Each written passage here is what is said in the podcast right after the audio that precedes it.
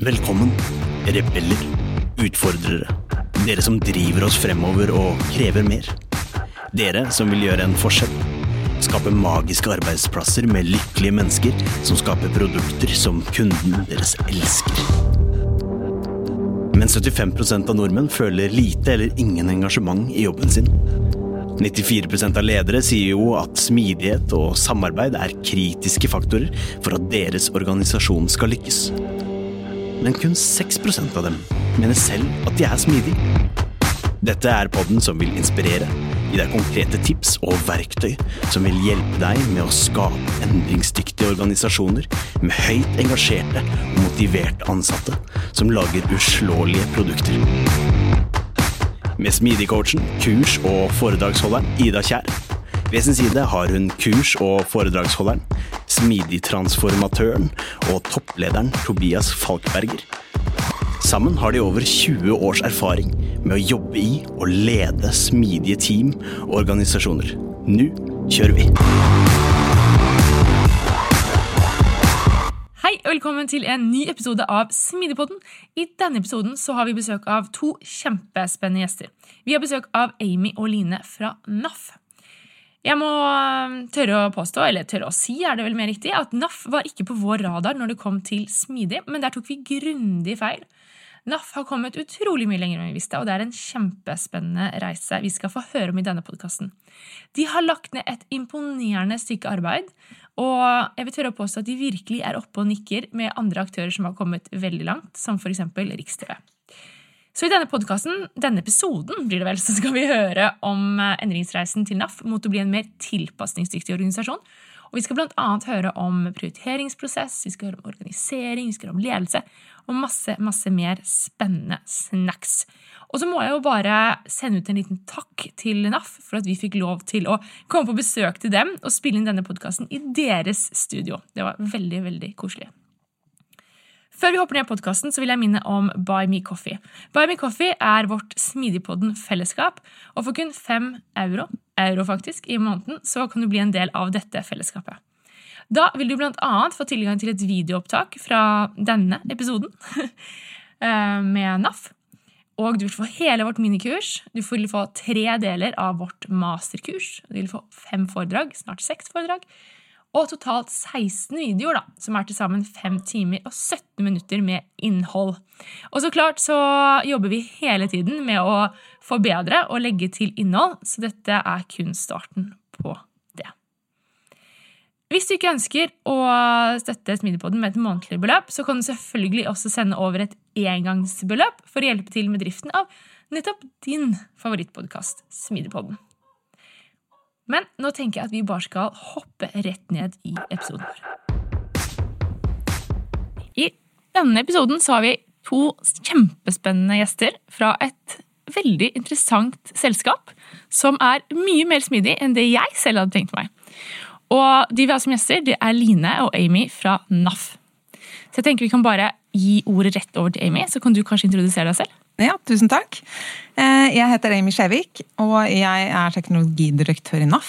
Eh, jeg har bakgrunn som utvikler, og jeg har vært, jobbet med digital tjenesteutvikling eh, hele livet mitt, egentlig. Og jeg har vært i gamet så lenge at i den første jobben jeg hadde, og dette syns jeg er litt gøy fordi vi er i Smidigpodden, så fikk jeg en printout av en kravspekk som var på 100 sider, med skjermbilder eh, som viste hva jeg skulle implementere. Jeg skjønte ikke helt hva systemet var, hva det skulle løse, men jeg hadde eh, alle oppgavene jeg trengte for å kunne begynne å jobbe. Så kjekt. Ja, eh, ble Jeg satt og tenkte at ok, det må være bedre måter å løse dette på, og det viste seg at det var veldig mange andre som også tenkte på akkurat det.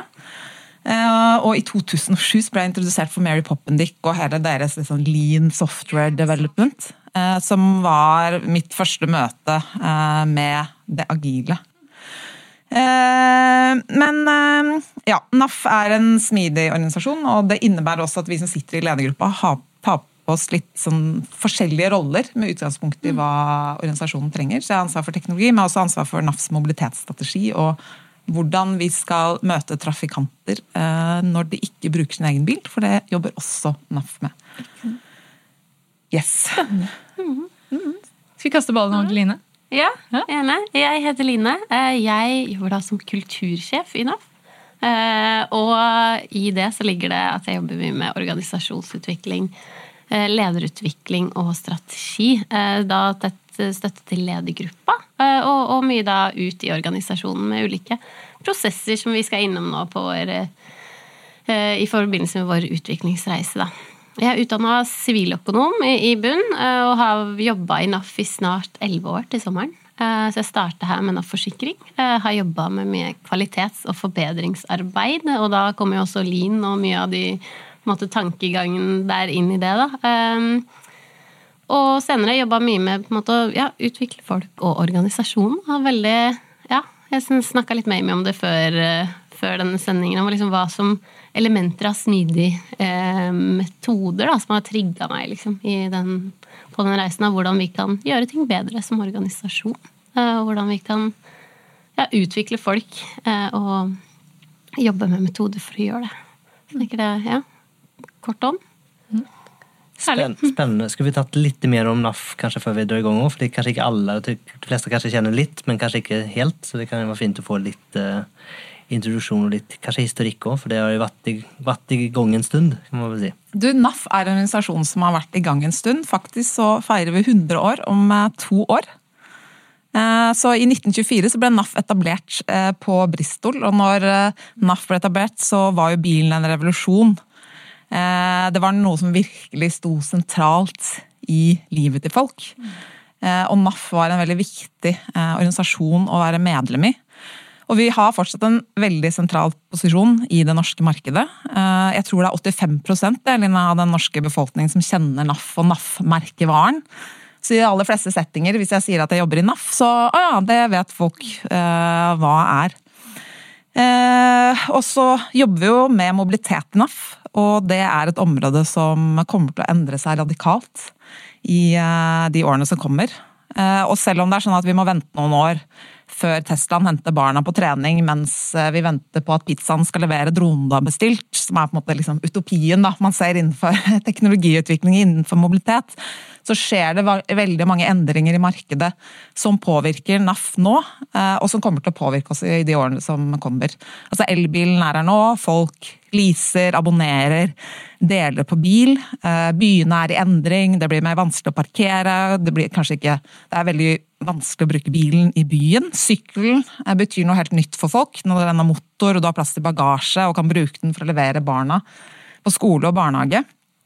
Eh, Og i tillegg så vil jo teknologi og megatrender som eh, urbanisering og det grønne skiftet og 5G og kunstig intelligens og AI vil jo være med å påvirke NAF og de aller fleste organisasjonene på helt uventede måter i framtiden. Og sant, Når man begynner å snakke om alle disse tingene, og sitter og leder et selskap som skal forholde seg til alt dette, eh, så er jo det utrolig krevende, og det erkjente vi i NAF. Eh, Og det vi eh, gjorde var å ta utgangspunkt i det vi selv kunne ha kontroll på, og det var egen organisasjons evne til å tilpasse altså denne framtiden. En framtid hvor vi ikke helt visste hva som kom til å treffe oss, og på hvilket tidspunkt. Men det vi visste, var at vi må bygge en organisasjon som er i stand til å tilpasse de endringene eh, som ligger foran oss. Og sånn begynte vår smidige transformasjonsreise, som vi i retrospekt ser at vi har vært gjennom og fortsatt er i gang med. Det var nettopp det bygge en organisasjon som er tilpasningsdyktig eh, og framtidsorientert. Jeg må si, jeg syns dette er så um, vakkert. Fordi um, når du sier det å starte med det dere selv kan kontrollere Fordi eh, det er alltid det jeg står og liksom føler liksom preacher om. Når jeg snakker om smidig, smidig transformasjon, eh, kontinuerlig forbedring i team. Start med det du kan kontrollere, og ikke alt det andre som er ytterst i sfæren. da. Var det um, Du sier jo at det var veldig gjennomtenkt at dere startet med det dere kan kontrollere. Kom det naturlig? Um, ja, hvor naturlig Altså, det var i hvert fall en veldig sånn tydelig erkjennelse av at vi må kunne endre oss raskt. Eh, og det man gjorde som et første steg, som var det første steget på vår eh, smidige transformasjonsreise, det var å etablere en egen del av organisasjonen på utsiden av resten av organisasjonen.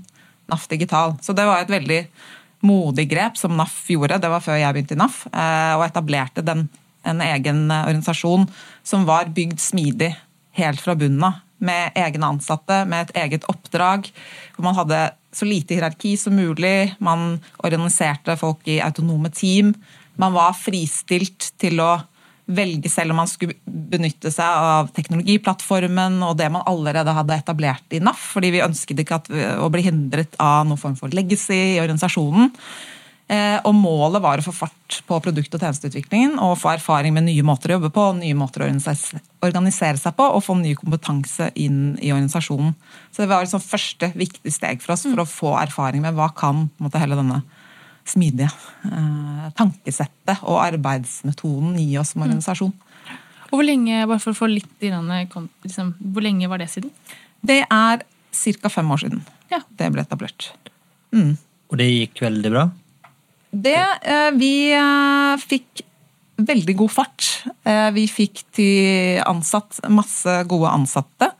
Vi hadde flere digitale initiativ som har blitt en stor suksess, og som vi har, er viktig inntektskilde for NAF i dag. Og så er det noen initiativer som vi ikke lykkes så godt med, og som vi har lagt ned som en del av hele den prosessen. Mm. Og det er jo sånn det er å jobbe med innovasjon og nye digitale tjenester.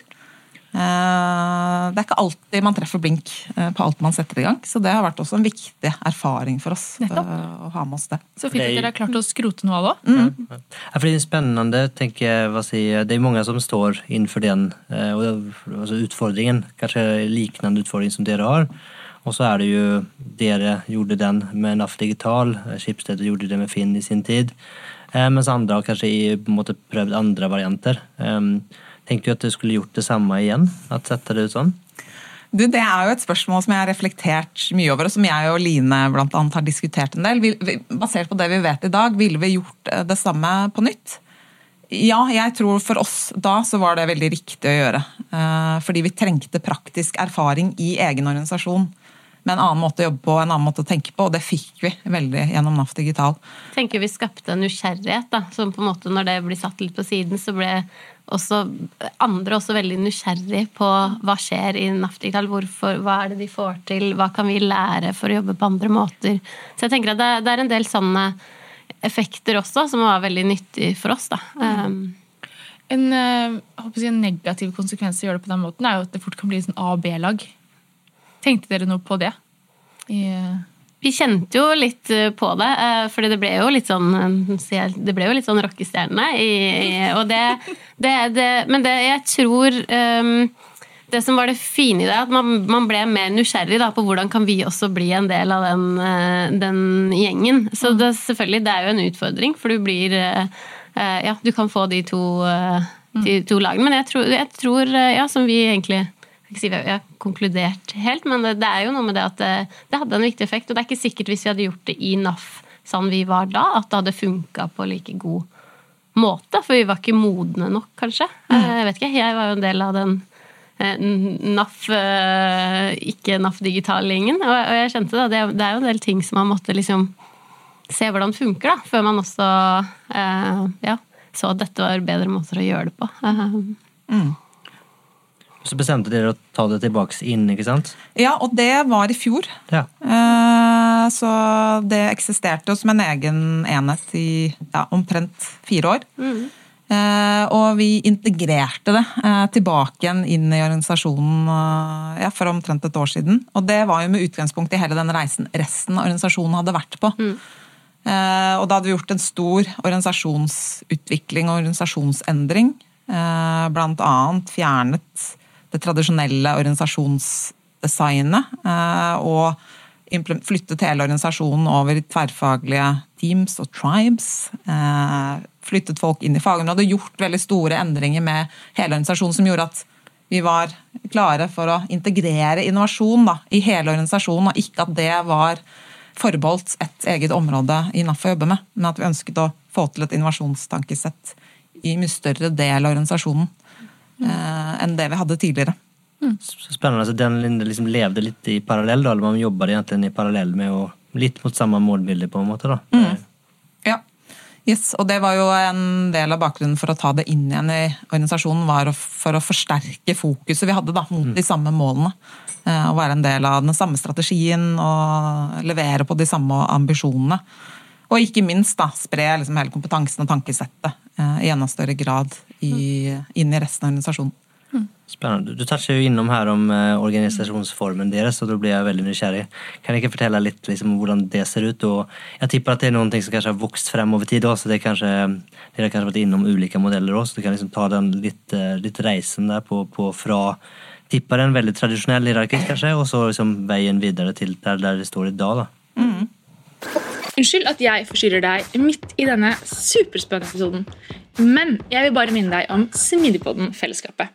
Kanskje har du lyst på eksklusiv tilgang til foredrag, kurs og masse masse mer. Eller kanskje du bare liker denne episoden spesielt godt. Eller kanskje du bare syns Smidigpodden er som plommen i egget eller rosin i pølsa om du vil, og vil vise at du setter pris på oss. Da må du gå inn på smidigpodden.no skråstrek én kaffe for å bli en del av Smidigpodden-fellesskapet. Håper å se deg der. Skal jeg ta litt om uh, den reisen? Ja, gjør det. Ja, eh, vi var jo veldig sånn på søken. Altså, vi så jo at eh, organisasjonsmodellen også hindra oss i å få fart. Eh, og vi, vi, um, du, når du skulle flytte en ressurs, så måtte du bytte en avdeling. altså Det var mange sånne elementer. Da. Eh, så vi søkte jo litt rundt og så på Fikk inspirasjon fra andre for å se hvordan de løste det. Og så skjønte vi jo liksom altså Vi kunne ikke kopiere noen andres modell, så vi, vi lagde oss noen prinsipper, og så bygde vi på en måte liksom litt vår egen modell med, da, som Amy var inne på, fagområdene. Hvor eh, ansatte det er der de bor, og der de, eh, eh, der de har sin personalleder. Og så allokeres de ut i team, da, som da enten er en del av motoren, som vi kaller det, som er den delen som skal gi slagkraft og gi oss evne til å skalere. Eh, Og så har vi også, eller ut i teamene, som jobber da tett på problemstillingene til, til medlemmene våre og til det oppdragene vi skal levere på. Da.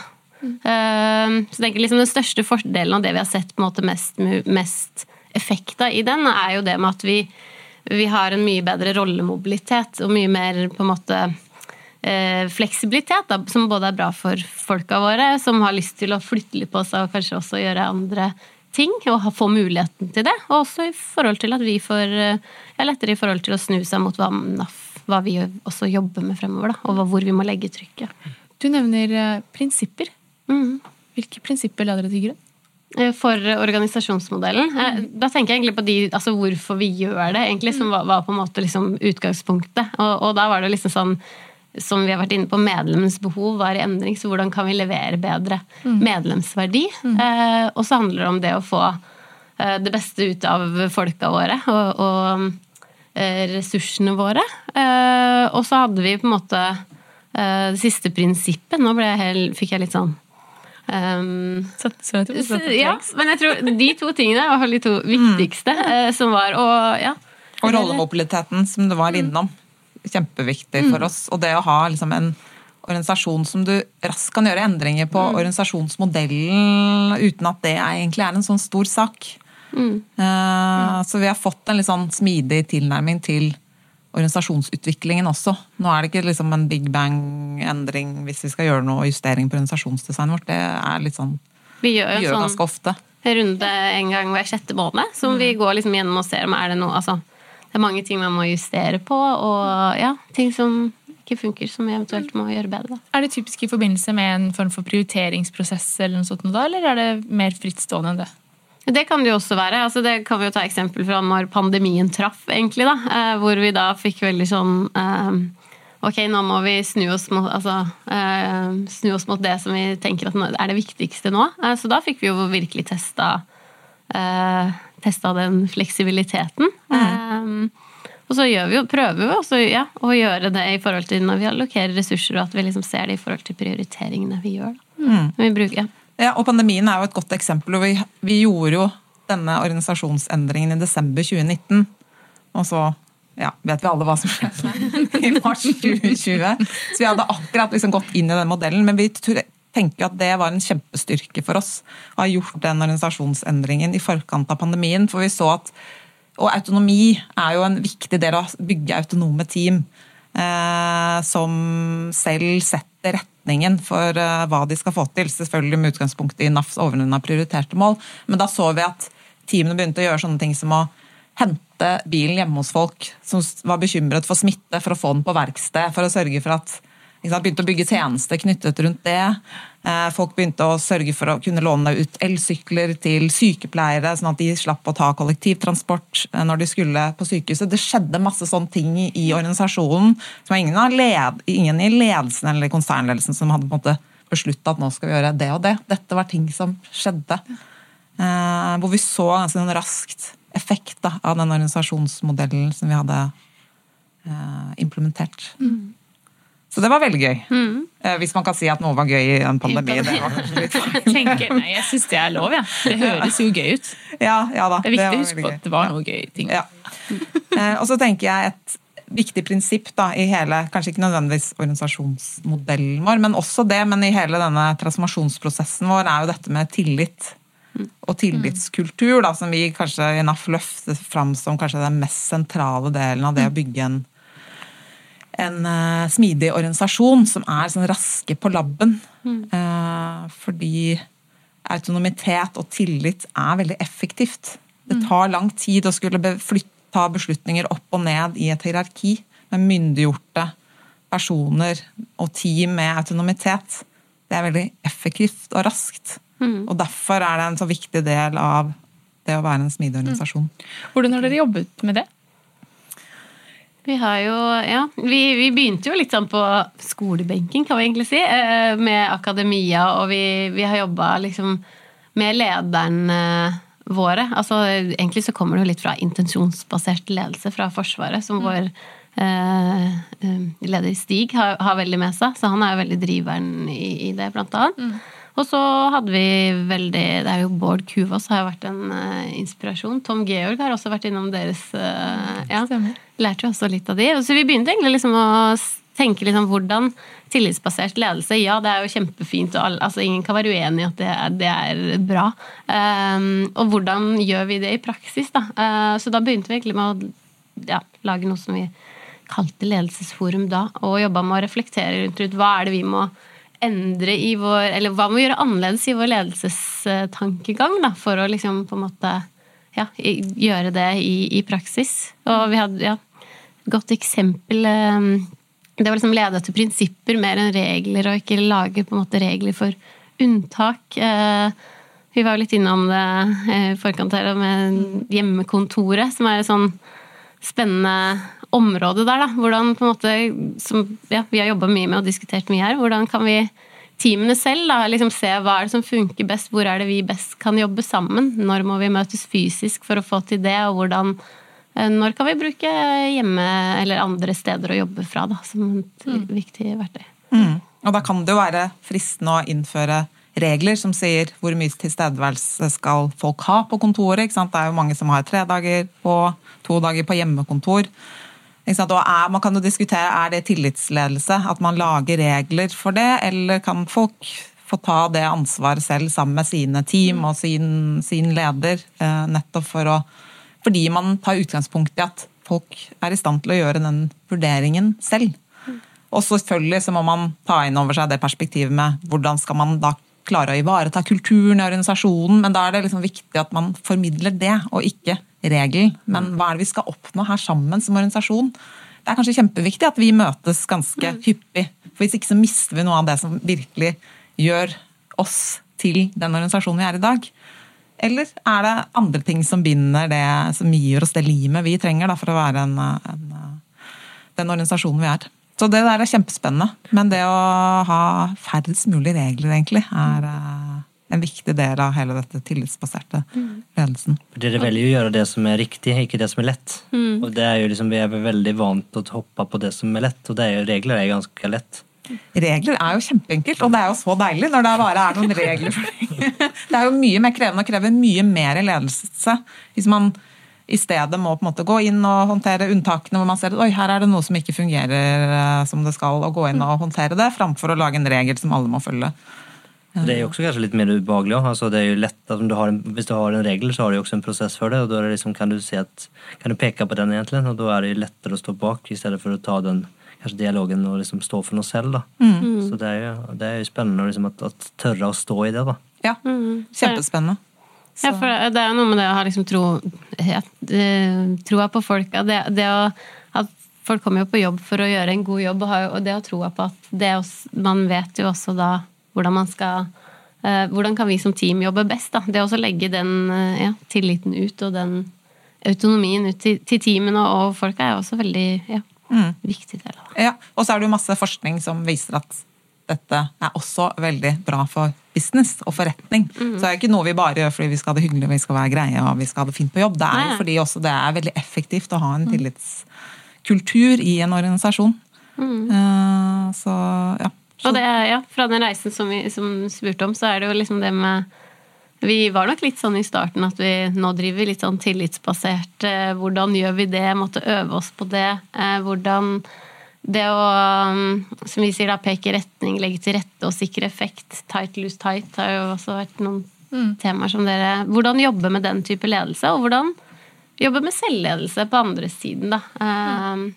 For det er jo ikke bare å ta det rommet heller, når man eh, Nei, det er ikke det. Det er også ganske krevende, da, når man er vant til å få litt sånn oppgaver og regler, eller man er vant til å bli fortalt. Ja. Det synes jeg er veldig riktig og viktig poeng, da, for det tror jeg mange dessverre glemmer. Da, at man liksom har kanskje fått med seg at man skal ikke ta så mye, like mye plass som leder, man skal vise tillit, man skal låte andre i organisasjonen ta beslutning. Men man har aldri jobbet med hvordan de i organisasjonen skal klare å gjøre det, eller hvordan de skal ha verktøy for å kunne klare det. Eh, Eller at eh, en gang har selvtilliten til å tørre å gjøre det. Eh, Så jeg tror det er veldig som du sier, det er veldig viktig da, at du faktisk, det er like viktig å bygge det, da, og det må også bygges over tid. da. Ja, absolutt. Eh, og det krever jo også noe annet eh, av organisasjonen.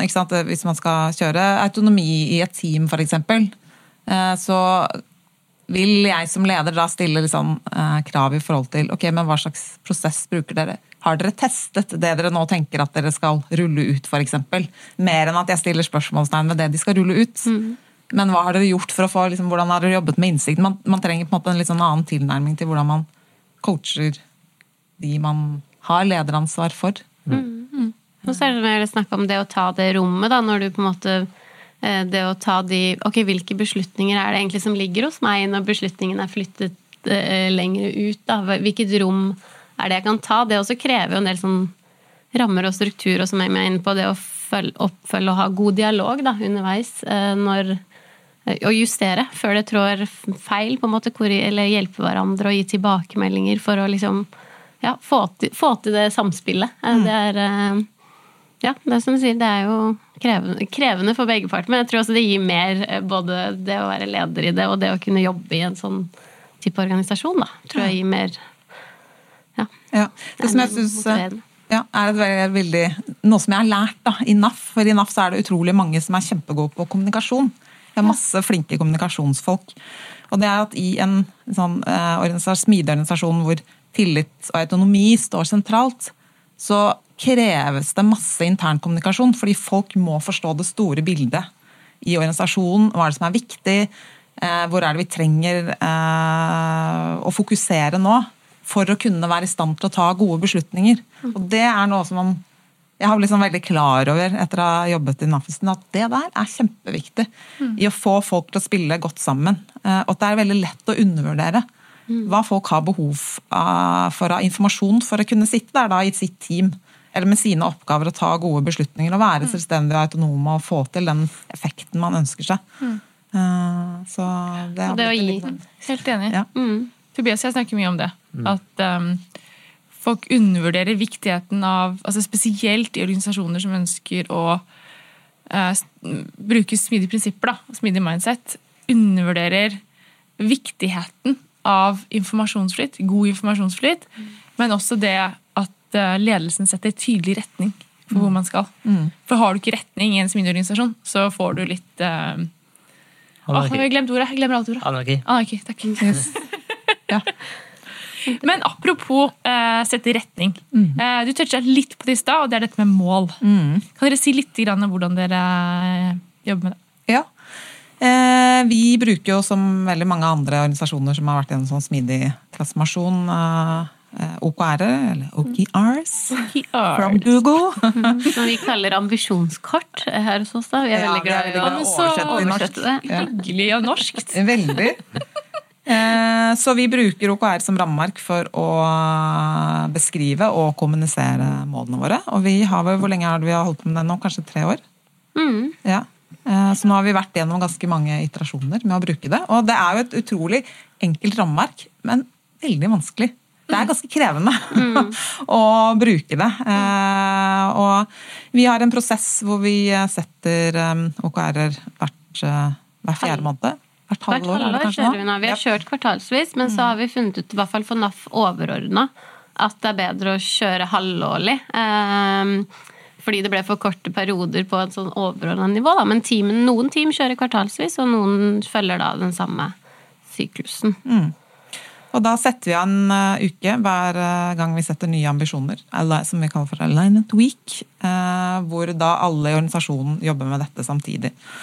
Og så er det konsernledelsen som setter måte, de overordnede ambisjoner, men med utgangspunkt i innspill fra resten av organisasjonen. Så vi sender ut måte, spørreskjemaer og sånn, hvor alle får være med og, og mene noe om hvilket fokus er det riktig at vi som organisasjon har nå den neste perioden. Eh, Og så kommuniserer vi disse ambisjonene i dette studioet. og så jobber de ulike teamene med å sette sine ambisjoner, kommunisere de seg, seg imellom og gjøre avklaringer som de har behov for uh, gjennom den uka. Det betyr ikke at man bruker en full uke hver gang, men det betyr at den uka der, da skal alle disse tingene være på plass. Tirsdag skal dette være på plass, onsdag skal dette være på plass. Vi har lagd en ganske sånn tydelig struktur for hvordan man skal jobbe med det. Har det vokst frem, eller har det, liksom, var det sånn det starta, så har det bare fungert? Alignment Week, tenker du på? Ja, ja, ja. Nei, det var egentlig noe som vi justerte litt uh, underveis. For vi, vi hadde litt forskjellige prosesser i teamene.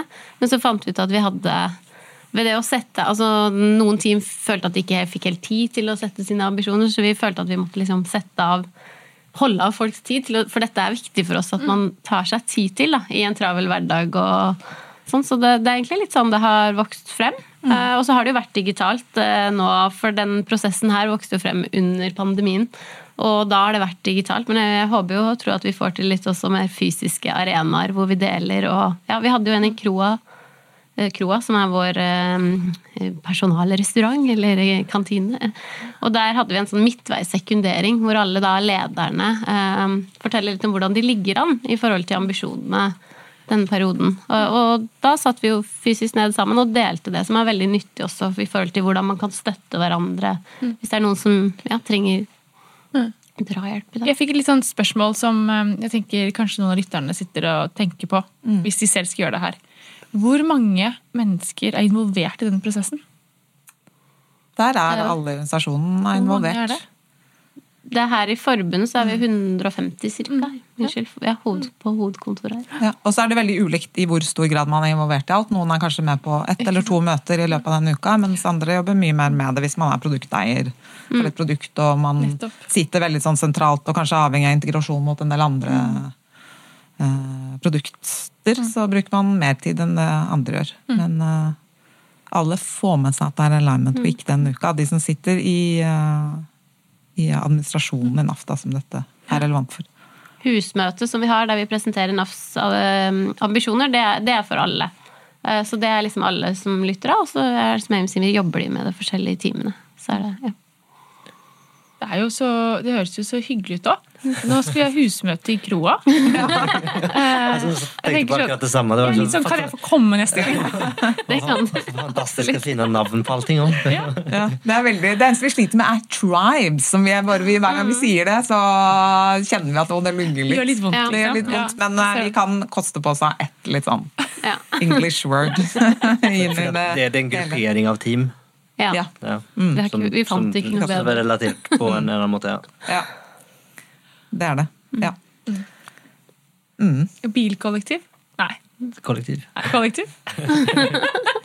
Team, teamkollektivet. Eh, ja, det er kanskje et bra. Kanskje vi har løst det nå. Ja. Men jeg kunne tenkt meg å ha sagt noe om liksom, smidige arbeidsmetoder. Det. fordi det er jo også noe vi har sant? Det er jo gjerne kanskje litt ofte man begynner eh, med smidig en organisasjon, er jo med utgangspunkt i kanskje spesielt et teknologimiljø. eller et innovasjonmiljø, designmiljø. Veldig mange i, innenfor de fagområdene er jo på en måte født og oppvokst med liksom dette tankesettet veldig liksom, fra sin utdannelse. Eh, og så når vi skulle begynne å snakke mer om arbeidsmetoder i NAF, så ønsket vi å finne en måte å beskrive smidig på som kunne være relevant for alle i organisasjonen.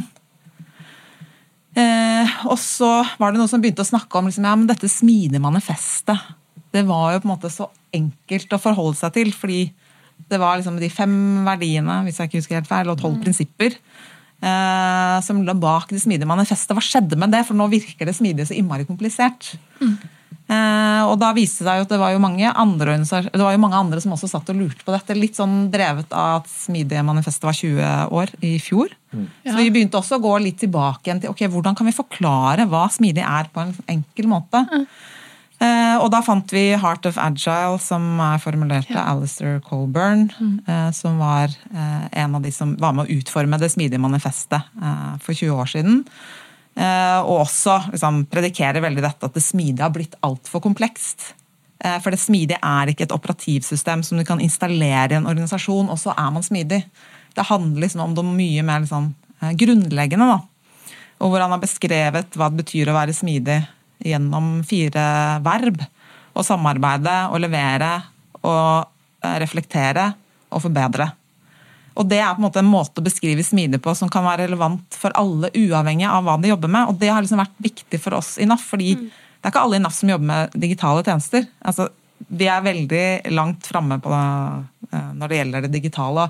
Veldig mye av det vi gjør, har et digitalt uttak. Men vi ønsket å snakke om smidig på en måte som kunne være relevant om du jobber på kundesenteret, sitter i resepsjonen, jobber i et innovasjonsteam, Eh, jobber med NAF.no. Eh, og det har vi på en måte funnet mening i, da, å bruke Heart of Agile. Og vi snakker jo også mye om tilpasningsdyktig organisasjon mm. når vi snakker om smidig. Eh, og vi har jo hatt han, Alistair Coburn har vært med på noen NAF-labber og vært med på video her i studioet vårt. som vi sitter i nå, ja, veldig gøy.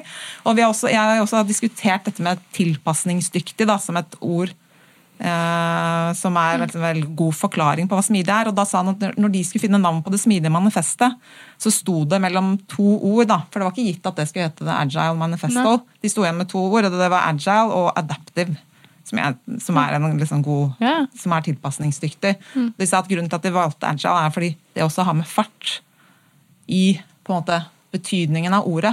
Mm. Eh, men, eh, så Derfor tenker jeg at det er lov å si, snakke om tilpasningsdyktige organisasjoner eh, når man snakker om det smidige, for å på en måte mm. forenkle litt da, hva, hva, dette er. Så det har vært vår måte å snakke om smidig mm. på i NAF. Og så er det jo veldig mye som ligger bak ikke sant, alle disse begrepene. Hvordan leverer man på en liksom, mest mm. mulig effektiv og, uh, måte som gjør at du kan eksperimentere og teste uh, på mest, best mulig måte. Mm. Men i utgangspunktet så er det de fire verbene det handler om. Det er det det betyr å være smidig.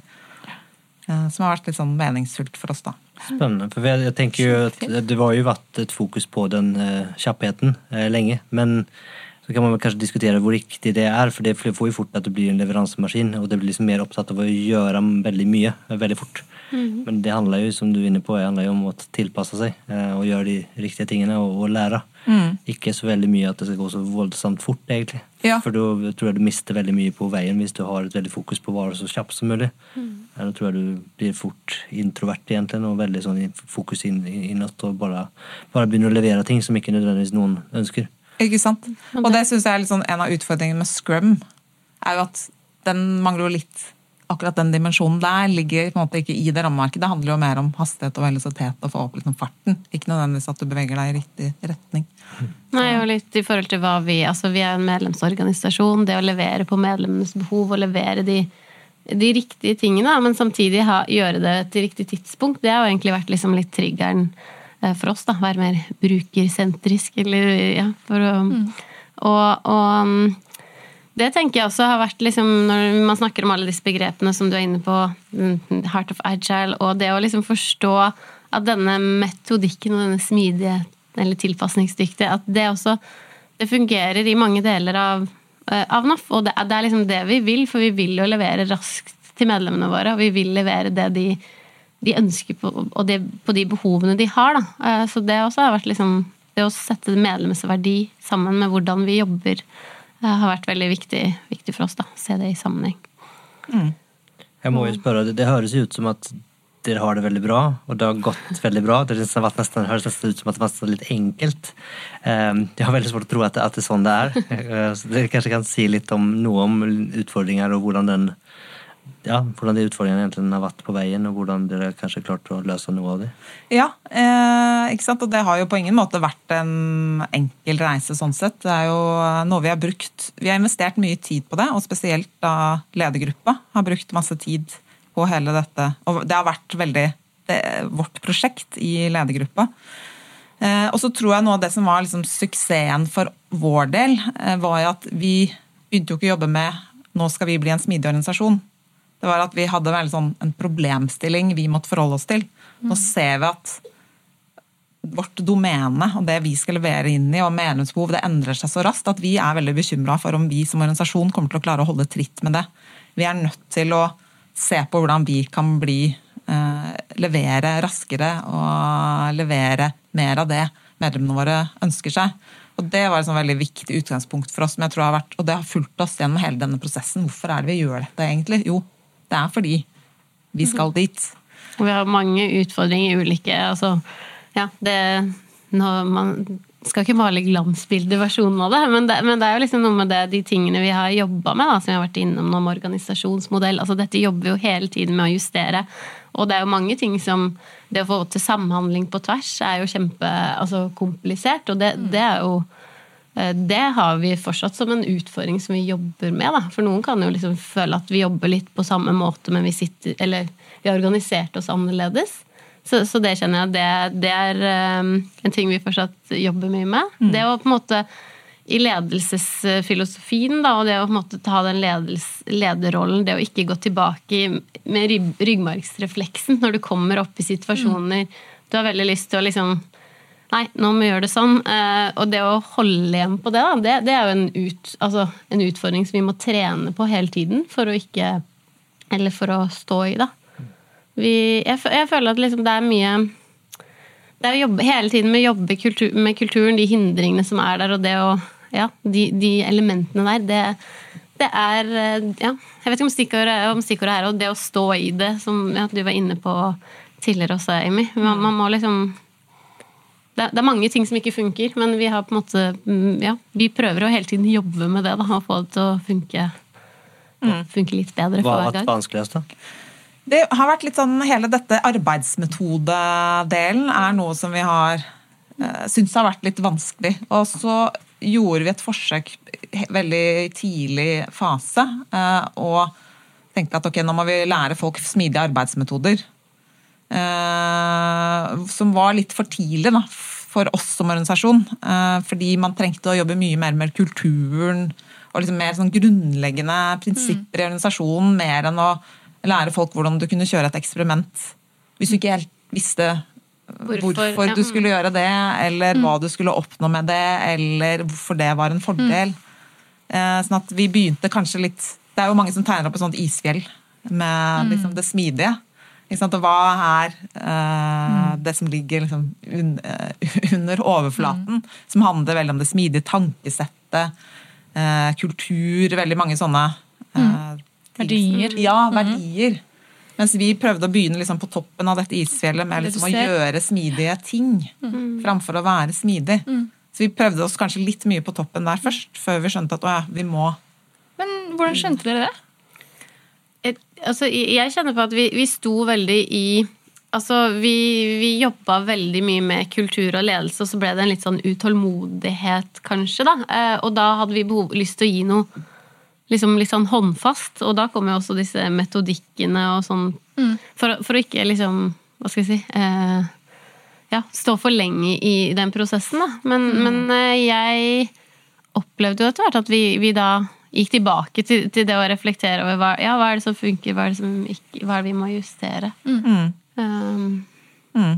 Ja, så akkurat, Jeg vet ikke om jeg har svaret på hvordan nei. skjønte vi det, men vi begynte i hvert fall, og vi så at dette funker sagt ikke. Som sikkert, så bare det her går ikke. Vi begynner i en annen ende. Mm. Uh, og, og, så var det dette med tillitskultur, for, som var en veldig sånn ja. bære for oss, da, ja. som vi har uh, vært veldig sånn riktig for oss å fokusere på. Mm. Mm. Jeg syns det er imponerende at dere klarte å komme til den på en måte, altså Dere var såpass reflekterte, da. Dere forsto det selv. At nå Dette funker ikke. Ok, Hva med å fokusere på de underliggende verdiene og Ja. Altså, kulturen i selskapet? ikke sant? Og jeg tror kanskje ikke vi hadde kommet til den erkjennelsen med mindre vi hadde prøvd å begynne å bruke Mm. Disse smidige metodene. Og så kjenner man at ja, men vi er jo ikke helt klare for det. Uh, dette, ikke, dette er ikke meningsfullt for folk. Ok, Da må vi gjøre noe annet. Mm. Og så skjønte vi når vi så at dette gir mer effekt, at å ok, Mm. det er mer riktig for oss å jobbe med. Men jeg synes, um, Du nevnte um, eksperimentering og testet hypoteser. Ja. Uh, Det er noe vi ikke har snakket så mye om på podkasten tidligere, men som er veldig essensielt innenfor for smidig. Kan du si litt mer om det, og hvordan dere bruker det i organisasjonen? Og ja, jeg kan jo gi et. Akkurat nå så er vi inne i en eh, strategiprosess eh, hvor eh, vi jobber mye med å, finne ut eh, eh, mer om medlemmene og hvorfor de velger å forlate oss. Og da sitter konsernledelsen og snakker på telefonen og ringer ut til medlemmer som har meldt seg ut av organisasjonen, eh, og gjør brukerintervjuene selv. Nettopp for å få og så kan man Det er kanskje ikke et eksperiment, men det er i hvert fall en viktig del av den der å teste ut ok, hvordan budskapet fra NAF hvordan er det det treffer ulike medlemmer. Så Det er liksom et eksempel på at brukerinnsikt er viktig for oss. Eh, Men vi, eh, når vi skal gjøre eh, endringer på en tjeneste, så gjør vi stort sett alltid et eller annet eksperiment for å sjekke om skjønner brukerne hva dette er. Ønsker de, ønsker de det? Klarer vi å kommunisere det vi skal til de? Eh, og så har jeg mange eksempler som jeg kan jo prøve å dra gjennom, men så kan det være litt sånn krevende å forklare på en podkast. Men jeg kan prøve, hvis du vil. Eh, vi, eh, for en tid tilbake så eller Vi jobber mye med elsykkel i NAF. Sykkel generelt. har Vi har lansert et nytt sykkelmedlemskap. Og for en tid tilbake så ønsket vi å se på hvordan vi kunne få ned eh, terskelen for folk å flytte seg over til elsykkel, fordi en elsykkel er veldig dyrt. ja. Eh, og da så vi at ok, kan det være interesse i et marked for et elsykkelabonnement? Ok, Hvordan kan vi teste det på billigst mulig måte raskest mulig? Så det vi gjorde da, var å regne ut sånn cirka hva dette ville koste oss i pris. Lagde en Facebook-annonse som vi postet i sosiale medier eh, ut til den målgruppen som vi mente ville være interessert i eh, dette produktet. Eh, og så så vi, målte vi på hvor mange er det som faktisk klikker på den annonsen. Vi lagde en veldig enkel nettside hvor du kunne sette deg på en interesseliste eh, og si at jo, dette produktet er jeg interessert i. Eh, og bare gjennom å gjøre et sånn type eksperiment så fikk vi veldig mye innsikt i ok, hva slags betalingsvillighet er det? Hva slags konverteringsgrad kan vi regne med? Hvor krevende vil det være for oss å selge dette produktet? Eh, hva slags spørsmål er det vi får eh, fra de som er interessenter? Eh, Så det er et konkret eksempel på hvordan vi har jobbet med testing. Men i de aller fleste tilfellene nå, så er det sånn det første vi tenker på er når vi skal gjøre noe nytt, er hvordan kan vi teste dette?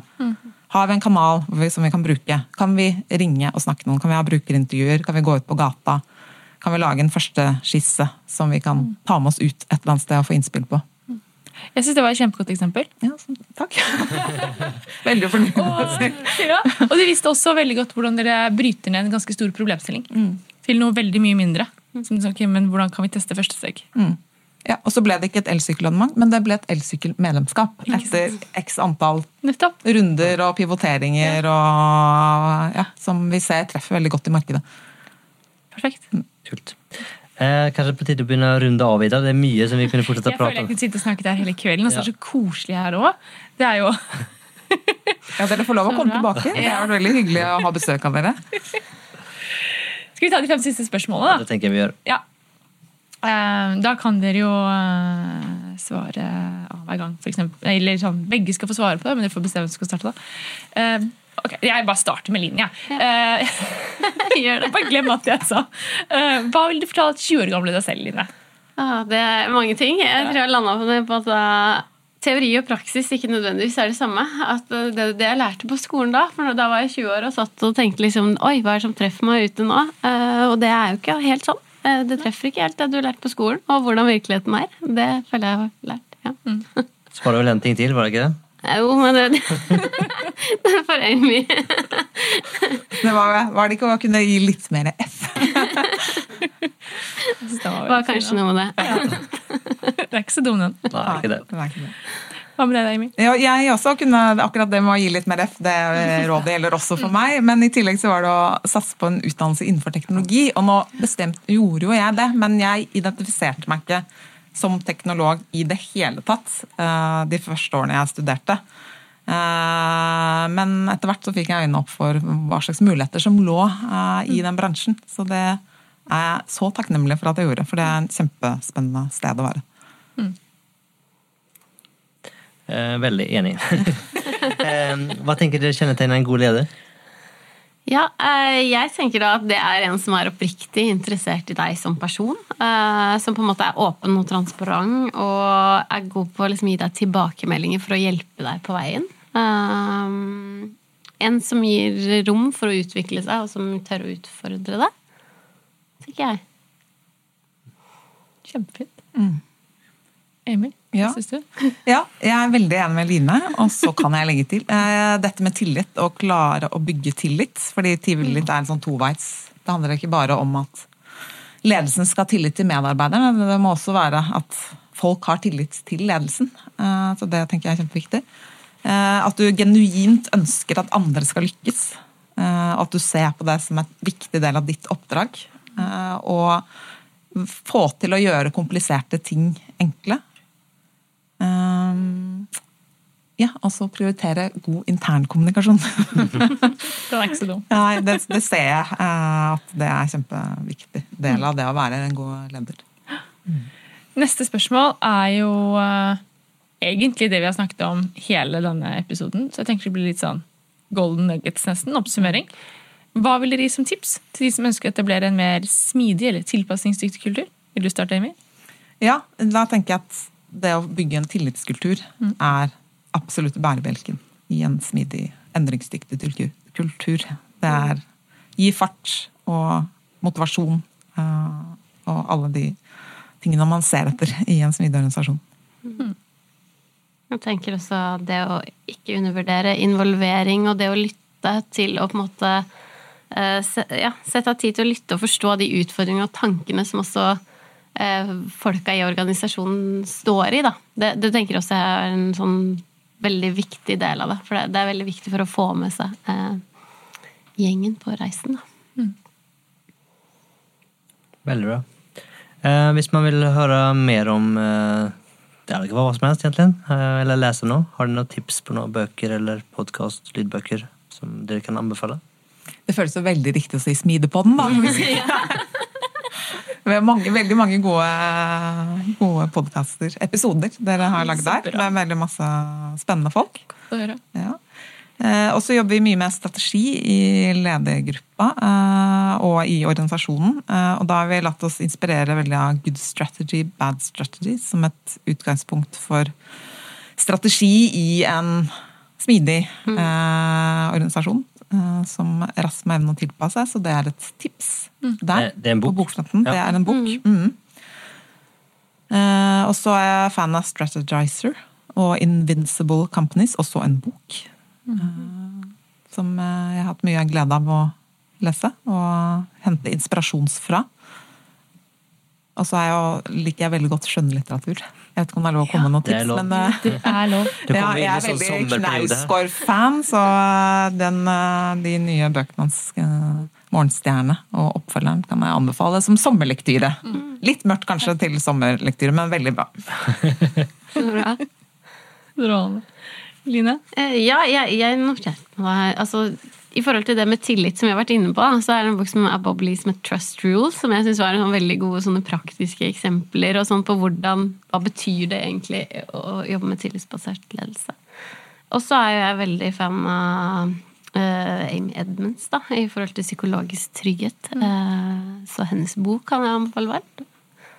Ikke tenk på noe skjønnlitteratur som jeg vil dele. Det går helt, helt fint. Men det her var kjempemasse fine tips. Phyllis Organization den kjenner jeg godt til, men de tre andre gjør jeg ikke. Så det er eh, Der kommer det nytt på vår leseliste òg. Det gjør det, det er bra. Jeg har ikke sendt inn eh, ukens bokbestilling, som jeg annonserte deg til at jeg skal ha det. Så kan jeg legge det til. Eh, Men hvis vi skal komme i kontakt med dere, hva gjør vi da? Ring oss. Ring oss, da, tenker jeg.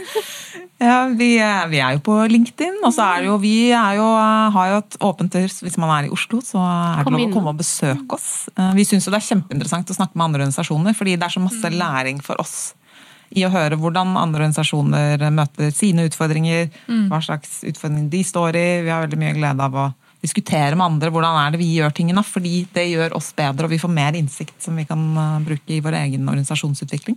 Eh, Så karriere.naf.no, der står det liksom all kontaktinformasjon eh, om, eh, ja, for å komme i kontakt med oss. NAF.no den er veldig